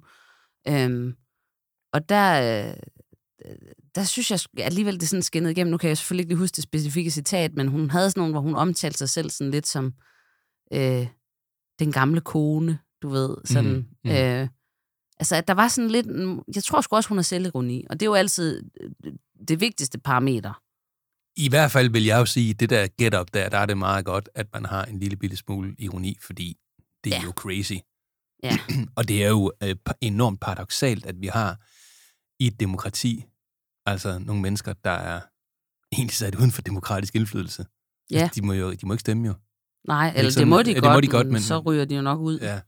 Og jeg, jeg synes også, at, øh, jeg synes også, at, at, at den offentlige debat omkring det, den, den er sådan, altså, den, den, er, den har sådan to forskellige sådan uforenlige poler et eller andet sted. Vi synes, vi er stadigvæk enormt, altså vi alle sammen, ikke alle sammen, men, men mange af os er ret stolte af det danske kongehus, fordi vi synes, det er en interessant institution, og vi taler jo om det, når vi fortæller ude i verden. Tilbage til Gorm og Tyra, ja, 950. Ja. Alt det der, ikke? Ja. Og, øh, øh, og, og altså, der er et eller andet over et land, der har en historik, og som kan fremvise nogle artefakter, som er af, af gammel art. Øh, og der er noget med sådan med slægt og, og forbundethed og en eller anden form for konservatisme, som, som, som i, i, øh, i ordets forstand konserverer, altså beholder, bevarer mm. noget af den, man kunne kalde den den danske sjæl eller et eller andet. Ikke? Så det er jo sådan, på, på, på en måde et, en enorm interessant funktion, det har i vores samfund. På den anden side, så er det jo fuldstændig grotesk, at der er nogen, der bliver født altså ind i rigdom på den der måde, hvor det egentlig bare er noget, de bliver født ind i. På den anden det er side, et arbejde. Det er jo et arbejde at ja, blive født ind i. Øhm, og når, når jeg tænker over det, så er det nok, må, måske fordi jeg er lidt arbejdsskadet, at jeg tænker på de der børn der. Altså, Ja. hvad gør det ved deres psykologi, at de er vokset op med at være per definition lidt federe end alle andre? Ja. Og det ved jeg godt, der er sikkert andre, men- andre børn, der også er vokset op i rimandsfamilier og den slags, men, men de er jo ikke... Men så samtidig også at være vokset op i... De at- ikke rende du rundt kan- efter sig. Nej, det er rigtigt. Øh, men, men, men samtidig jo også være vokset op i en skæbnefortælling, Mm. som er, at det her, det er det, du skal ind i. Altså prøv at tænke at være 18 år. Ja, tænk at være ja. prins Christian, ikke? Mm. Og stå og fyre den af til sin 18-års fødselsdag. Har og du lyst til at blive maler? Vil du Ja. være arkitekt? Eller vil du arbejde i Netto? Eller øh, snupper du den der krone der? Ja. Du, du kan...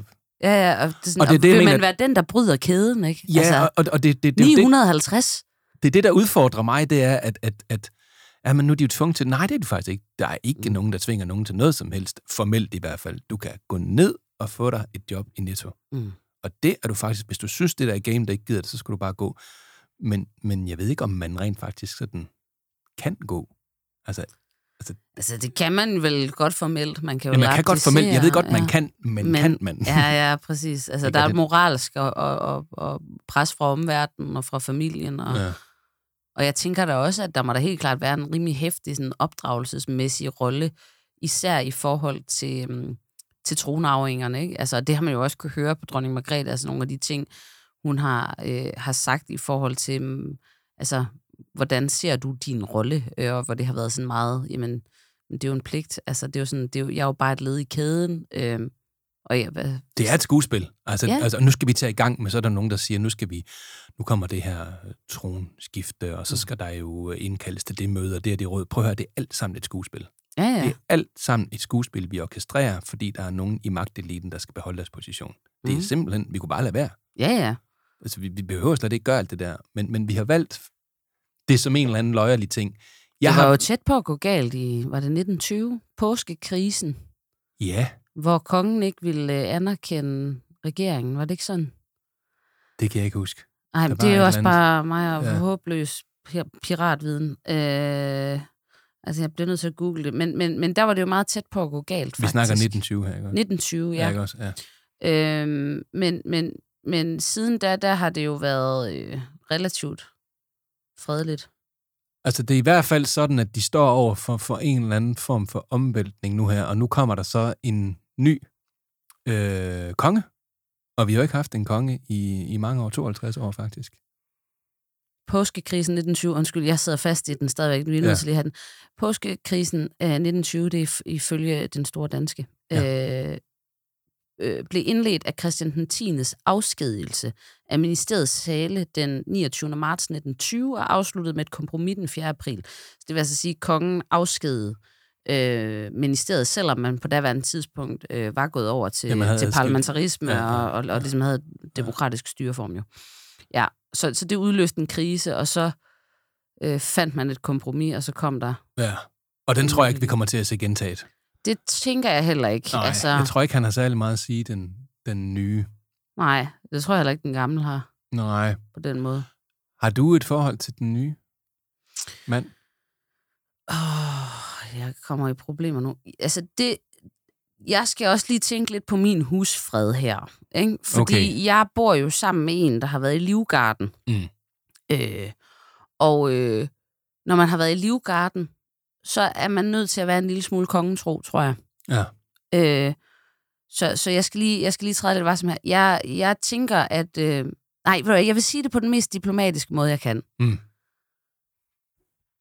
Kronprins Frederik har valgt rigtig klogt i form øh, af, af at gifte sig med Mary Donaldson, som hun jo var hendes borgerlige navn. Mm. Kronprinsesse Mary. Ja. Det tror jeg var en rigtig god beslutning. Hvad tror du, det gode var? Øh, jeg tror, hun har fingerspidsgefühl og øh, forretningssans og øh, kan tænke en lille smule strategisk. Aha. Ja. ja. Og man kunne undre sig, nu bliver det meget konspiratorisk, men det er sjovt, at den der abdicering, den lige præcis falder oven på en potentiel eller mulig utro-skandale. Oh, Altså, ja, Har vi flyttet lidt fokus der, spørger psykologen. ja. Altså, det, Og der, det, der det er vel jeg- nærmest dig, der burde sige det her, for det er jo det, er Det er- der det er mig, der- kommunikationsekspert. Altså, ja. du, du tager den lige. Ja, men, men øh, altså, det, det, det, det tror jeg sgu ikke. Øh, jeg tror ikke, det er noget, man... Øh, jeg, jeg, jeg tror sgu ikke, at dronning Margrethe, hun er typen, der vil planlægge efter det. Altså, det, og det er overhovedet ikke noget fagligt, det er sgu mere sådan... Mm. Øhm, øh, jeg tror, det vil være svært at finde et godt tidspunkt. Altså, den, den joker og den faktor, vi jo ikke kender, nu fik hun jo den der rygoperation, og det er også den, hun egentlig nævner, Mm. at det sådan er, er det, øh, der ligesom fik hende til at tænke på, måske var det tid til at give stafetten videre. Vi ved jo ikke reelt, om hun er mere syg Nej. end det. Nej. Men man kan i hvert fald sige, at der, der var ikke den helt store uh, hul om hej, da hun fratog nogle titler tidligere, uh, for Mm. nogle år siden vel.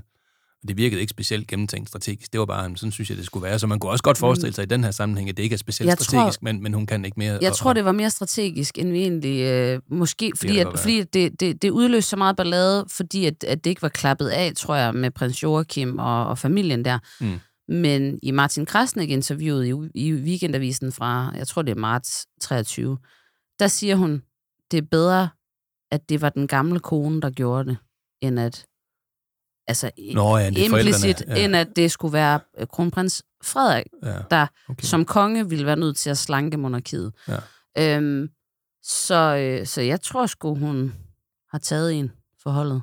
Det kan godt være. Altså, jeg, jeg ved ikke. Jeg har, jeg har ikke noget forhold til dem. Jeg kæmper stadigvæk med at huske, hvem af dem, der hedder Frederik, hvem der hedder Joachim. Det er Frederik, han hedder, ikke også? Ja, altså din kommende konge? Ja, ja. ja. ja. Jeg har mødt ham ja. i øvrigt en gang, og det lyder ret sejt, det jeg siger nu her, men jeg har, jeg har, jeg har hængt ud med øh, den kommende konge Ja. backstage til Metallica. Så du har hængt ud med kongen backstage ved kongerne? Til Metallica. Ja. Det har jeg. Og øh, det var egentlig altid, altså ikke fordi vi kender hinanden, jeg, jeg, tror, ikke, jeg tror ikke, jeg er på speed dial, men øh, vi løb ind i ham. Jeg var, jeg var backstage til Metallica, det har været nogle gange, øh, og øh, øh, var inviteret af øh, Robert Trujillo, der spiller bass. Øh, han, hans bror kender min bror. Så vi, vi, vi er- med der i slænget, når de er i Danmark. Og, øhm, Okay, skal vi lige dvæle ved det i to minutter?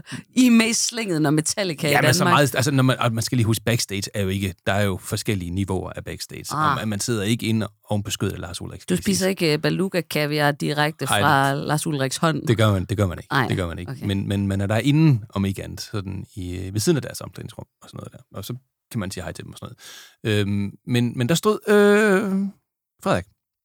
Øh, og øh, så tænker jeg, øh, jeg går da lige over og siger pænt goddag. Så det gjorde jeg. Og det var helt cool. Altså, der var ikke noget med, øh, med, med, med fire øh, pt vagter der lagde mig i, øh, i håndlås, benlås og sådan noget. Så, så, han, jeg sagde egentlig bare pænt, goddag, hej, og går det godt? Og så snakkede vi lidt, og så fik jeg lov til at tage et billede. Og det tænker jeg, det ville min mor synes var sjovt. Og måske tænkte jeg også, det kunne bruges på noget SoMe på et tidspunkt. det kunne da godt være. Øh, men, men, vi, vi, men det er sådan ved at være... 14. januar, hold øje 14. med. januar, der, skal, der kommer den måske. Nu må vi se. Jeg står desværre ligner en hamster på det billede. Nå, ja. Der, der står sådan her. Ja, okay. Af en eller anden årsag. Men øh, vi skal så ned til den her koncert, og øh, vi, vi slår følgeskab med kronprins Frederik. Og hans, øh, han har en marker med og, og noget PT, som går. Og vi går derned af, øh, min bror og jeg og, og kronprinsen. Og så øh, kommer, står der selvfølgelig, vi kommer sådan lige i sidste øjeblik, altså det, fordi jeg er jo tidsoptimist, og vi når sgu nok det der Metallica noget der. Øhm, kommer der ned, øh, og så bliver vi stanset af, af nogle vagter, de går selvfølgelig lige igennem og skal vises op øh, til en plads på siden af scenen. Som er klart er den dårligste plads. Men det er sådan meget eksklusivt at få lov til at stå på scenen med Metallica åbenbart. Sådan øh, forhøjet øh, over ved siden af, altså ved siden af guitarteknikeren. Du ved, hvor, hvor enormt dårlig lyd, der er derovre. Man skal altid stille sig lige foran lydmanden. For en lydmand, det er det bedste sted. Mm. Aldrig ved teknikerne, fordi mm. de, de har arbejdslyd, og den kan ikke bruges til noget som helst. Præcis. Ikke ud fra sådan en, en æstetisk lydoplevelse. Men der skulle de og en eller anden årsag stå. Og vi bliver så stoppet der, og så de går lidt i forvejen, sådan lige, og så siger jeg, at vi er altså med kongehuset. Så, så kan jeg se ham der, security manageren der, han bliver sådan helt, "Øh, øh, ej, det må jeg så undskylde. Ja, ej, kom lige med her, så fik vi... Du har lagt dig på jul af fred. Ja, det har jeg da. Og så får vi vores øh, egen security mand, der viser os ind. Altså, vi sagde, vi skal ikke med der, vi skal bare ind i pitten. Så gerne. Så vi, vi var vist ind i pitten, går lige forbi alle de der fans, der bare har stået der i tre timer og ventet på Metallica kom. Øhm, jeg tror det jo ikke, de har lidt nogen nød, fordi øh, jeg ved, Lamb of God, de varmede op øh, i Horsens. Og dem, vil, dem kan jeg meget godt lide, men dem nåede vi altså ikke lige, øh, fordi vi skulle tale med Frederik. Ja, ja, ja, ja. ja, ja og det var, lige, det, var ikke, det var ikke lige det rette tidspunkt. Og vi går lige forbi alle de der folk med vores, øh, med vores drinks, og går ind og stiller os på den bedste plads, altså lige foran James Hetfield. Og så, så 1, 2, 3, så spiller Metallica.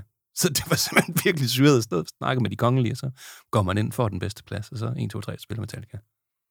Hold kæft, Det var, min, det, var, det var min eneste kongelige oplevelse. Ej, men, den, ja, men den kan jeg jo ikke slå. Altså, det eneste, jeg kan komme i nærheden af der, det er jo, jeg har jo set prins Henriks navle en gang. Mm.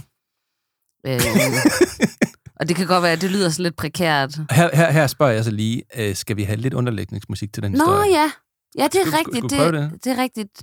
Jeg ved ikke, om jeg kan finde noget herovre. Det er ikke sådan noget med valglyd i dag, vel? Nej, ej, og jeg vil godt, jeg har faktisk lige lyttet til det afsnit der med nørd. Jeg gik og hørte på det her. Og øh, jeg synes, jeg fuckede altså lidt din øh, historie lidt op. Nej, det gør jeg ikke Du skulle noget. fortælle om et træskærsæt, og jeg bliver bare helt opslugt i at lave valglyd, og er der en bæk, og jeg... Men, men det illustrerede jo meget godt princippet omkring at være, være Ja. nørd, kan Ja, man sige. ja, Så ja, den stak jeg, af for mig. Jeg synes, det bakkede meget godt op om Jeg skal prøve at se, om jeg kan lave lidt øh, royal musik til dig her. Øhm, royal. Ja. Hold da helt ferie, mand. Er det ikke der, vi er? Jo. Jamen, jeg har faktisk... Historien om den kongelige navle. Historien om den royale navle. Den royale navle. Øh, det er kongelige navle. Altså, jeg har jo altid været utrolig glad for prins Henrik. Jeg synes, vi var meget hårde ved ham som nation. Øh, altså, han kunne godt lide rødvin, han kunne godt lide god mad, han kunne godt lide kunst. What's not to like? Crazy altså, Prince. Jeg Ja. elskede prins Henrik. Nå, øh, det korte og lange. Mm. Jeg var øh, journalistpraktikant øh, på Jyske Vestkysten, øh, og havde ansvaret for at sidde øh, på nettet, så jeg kunne desværre ikke selv komme med til øh, det royale besøg. Det var så i Ribe. Men det, der sker på et tidspunkt, som jeg har forstået det, det er, at øh, dronning Margrethe, hun skal ligesom ud og klippe nogle snore, hvad man nu gør, når man er dronning. Øh, og hun sætter så ligesom øh, Henrik af på sælhunden. Og Sælhunden er jo en restaurant, øh, som ligesom er et skib, Ja. øh, øh, nede i Ribe der, nede i Ribe Å. Øh, og, øh, og han får bakskuld, og til de af lytterne, som ikke er fra vestkysten, så er bakskuld jo øh, maltrakteret fladfisk. Det er Øh, havets bacon. det er havets bacon. Det er øh, en ising, der er tørret, saltet, røget og stegt. Og man får den gerne på rugbrød. Der er Ja. nogen, der spiser remo om på. Det gør jeg faktisk ikke. Nej. Øh, lige lidt citron. Mega godt. Det var bare lige noget for Henrik. Mm. Så jeg sidder altså nede på redaktionen og sådan, åh, kommer der ikke snart nogle billeder? Og lige pludselig suser der en øh, øh, fotograf ind øh, på redaktionen, som har været nede og, og tage billeder øh, fra det royale besøg, og blandt andet har taget billeder af øh, Le Prince, Crazy Prince. øh, øh, som sidder på selhunden. Og da hun så ligesom kommer ind og kigger på billederne, så kan hun godt se, det sgu ikke for godt det her. Nej, fordi nej. bakskuld smager jo usandsynligt godt. Mm. Det ved du. Det ved alle. Øh, øh, i, Jeg har faktisk det kun nærområde. spist det et par enkelte gange. Er det rigtigt? men Ej, det nej, gør vi men noget ved. Ja, men det skal Det, vi. gør- det gør vi noget ved. Det er Beluga kaviar, og så... Og så bakskuld. Men, men, men det har jo smagt så godt, at der er desværre røget øh, en knap i den royale skjorte. Ah, Ja, som lige har blottet maves, maveskins. Det vil sige, alle de billeder, hun har fået med hjem, den her fotograf, der er der ligesom udsigt til øh, navlen. Og, øh, og jeg var jo sådan meget øh, ny journalist på det tidspunkt, eller praktikant jo faktisk. Øh, og jeg var sådan meget optaget af, hvad der kunne give gode kliks Ja. på nettet. Fordi jeg tænkte, så kunne det være, at jeg kunne få et arbejde, når jeg var færdig der. Mm. Øh, så jeg sagde, giv mig det billede, det skal på internettet. nu! og hun var bare sådan, det kan vi ikke gøre mod Henrik. Nej. Og jeg måtte jo også, ah, okay, fint nok. Så hun gik ned, ja. og så croppede hun det, sådan at, øh, eller beskar det, sådan at man ikke ligesom kunne, øh, kunne se den royale navle, og så kom det på. Men, vi, men hun fik faktisk printet ud, kan jeg huske, hvis ikke i life size, så tæt på, altså fuld figur, Mm. øh, et, et billede af Le Prince med øh, øh, øh, Med Le blottet navle, Ja, ja, ja. og øh, op på, på, på, på væggen der. Ja.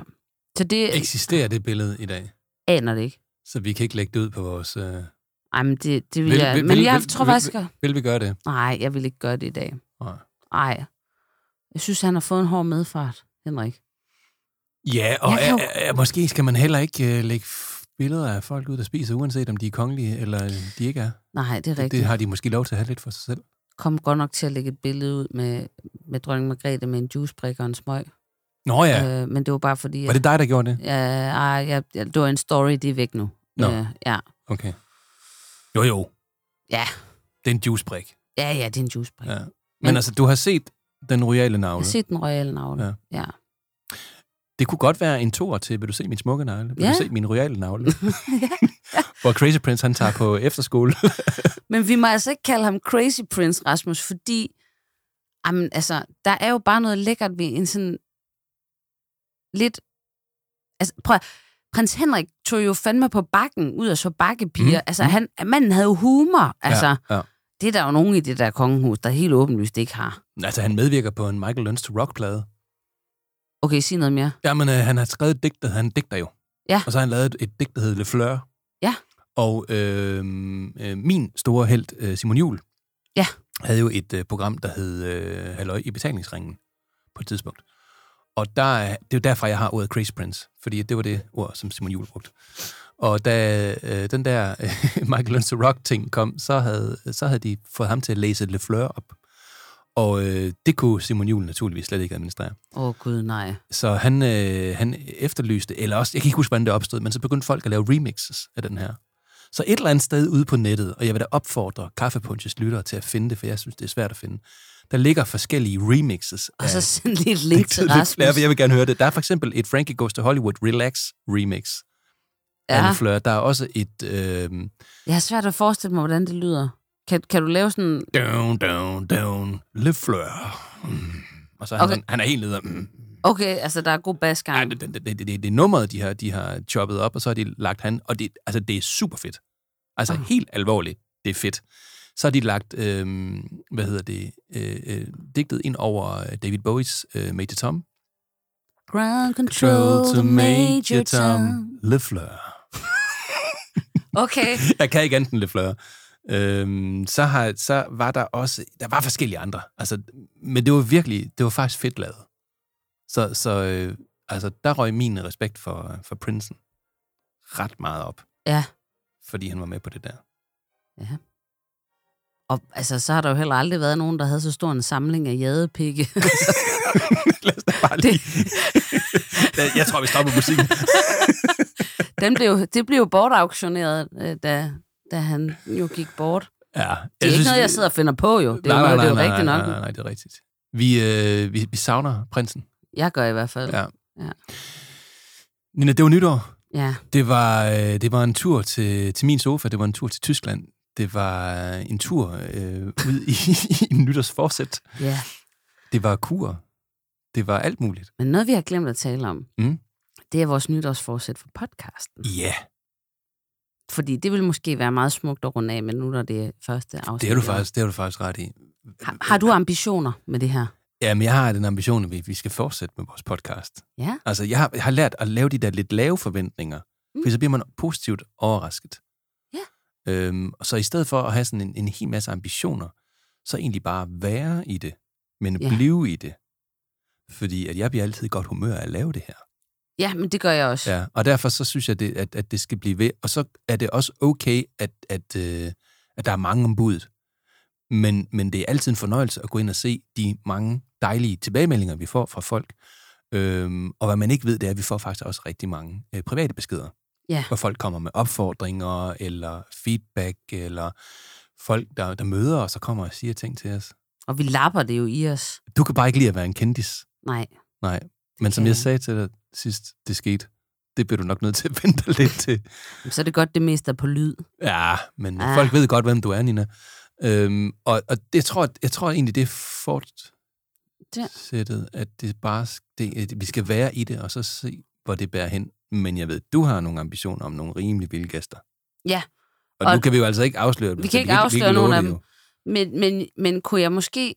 Det er fordi, at jeg tænker meget sådan i titler på episoder. Mhm. Og jeg kunne godt tænke mig, at vi for eksempel havde et afsnit, som bare hed Løgn. Løgn. Ja. Ja. Og så kunne jeg godt tænke mig, at vi havde et afsnit, der hed Dialekt. Dialekt, ja. Fordi det er alle sammen ting, der betyder meget for mig. Jeg tror jeg godt, ved, jeg ved, hvem du tænker på der. Og så kunne jeg godt tænke mig, at vi havde et afsnit, der hed Katastrofer. Katastrofe. Mm, ja, okay. Så det er sådan meget... Jeg, jeg går meget og tænker sådan, Ja, okay. okay, hvor kunne der være noget, som også var sådan lidt dystert, eller lidt potentielt Ja, farligt ja. noget. Jeg synes nemlig, de bedste af de afsnit, vi har lavet, det er dem, hvor vi har været en lille smule ude at skide. Ja. Altså for eksempel det der med idéudvikling, der, der, der, Det var helt der, der galt. var jeg helt tabt på et tidspunkt. Jeg ved faktisk ikke, om det er fedt, men jeg har lyttet til det et par gange. Jeg synes egentlig, det holdt faktisk meget godt. Ja, jeg turde faktisk ikke høre det, inden det udkom, kan jeg huske, for jeg tænkte, nej, nej, nej, nej, nej, Ja. nej, det er helt mærkeligt, det her. Ja. Øh. Men, men, men så har vi jo Men haft du, havde, nogle... du sagde, du lyttede til det første afsnit med Ibi Ja. Pibi. Ja. Og det har jeg ikke tur endnu.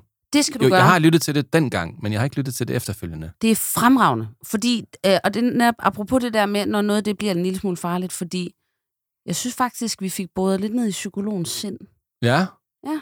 Ja. i forhold til det der med at være kunstsnop, Ja. øh, og, og om det går ind på, at andre ser en på den måde, eller om det ikke gør. Og det er sjovt, du siger det, fordi jeg er meget format øh, fokuseret. Jeg vil gerne have det, altså det er den rolle, jeg har. Jeg skal sådan være moderator. Ja. og vi stikker begge to af, jo ikke også? Men så er jeg den, der sådan skal hive det tilbage og få teknikken til at spille og på de rigtige skillers på. Så jeg tror ikke helt, jeg oplevede det sådan på den måde. Men, Nej. det, men det er godt. Det, er det, det, det, er sikkert det, det var. Jeg tror da, jeg skal tilbage og lytte.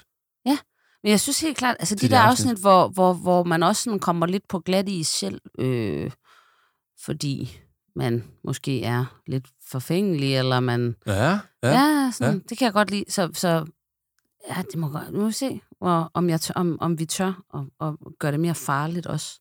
Det er jo en balancegang, fordi det, jeg synes ikke, det sådan skal være selvsvælgende, men nu har vi bare selv siddet og snakket ja. igen i snart ja, en time og 20. Ja, hold det kæft. Nå, okay. Ja. Øh, Jamen, og jeg sidder og tænker på, hvornår skal du på toilet, fordi det plejer at gå galt lige omkring 50. Jeg tror simpelthen, det er fordi, det der faste kur der, at, øh, at øh, jeg tror simpelthen, det er det. Ja, den, Ja. den begyndte diabetes er ligesom væk igen nu. Ah, det er på den ja, måde der. Ja. Men kære lytter derude, kan jeg i hvert fald sige, at øh, vi er i hvert fald i gang med Kaffepunch i år. Du kan forvente en, øh, en masse afsnit. Øh, vi, har, øh, vi har lidt i bogen, som vi ikke kan afsløre. Og resten skal vi lige finde ud af. Så skal, men det er også det, vi skal være i det. Det er en, det er en rejse. Det er en rejse. Øh, så du kan forvente, at der kommer øh, nogle afsnit øh, løbende. Og husk at abonnere på os inde på øh, Ja, Apple og kom Podcast og Spotify. meget gerne med forslag og idéer om feedback og alt det der, for vi vil altid gerne høre fra alle mulige folk. Ja, sådan må det være. Nina, det har været en hyggelig snak. Tusind tak. Mega hyggeligt. Godt nytår. Ja, godt nytår. Og også godt nytår til alle jer derude. Vi ses snart igen. Ha' det rigtig godt. Hej hej.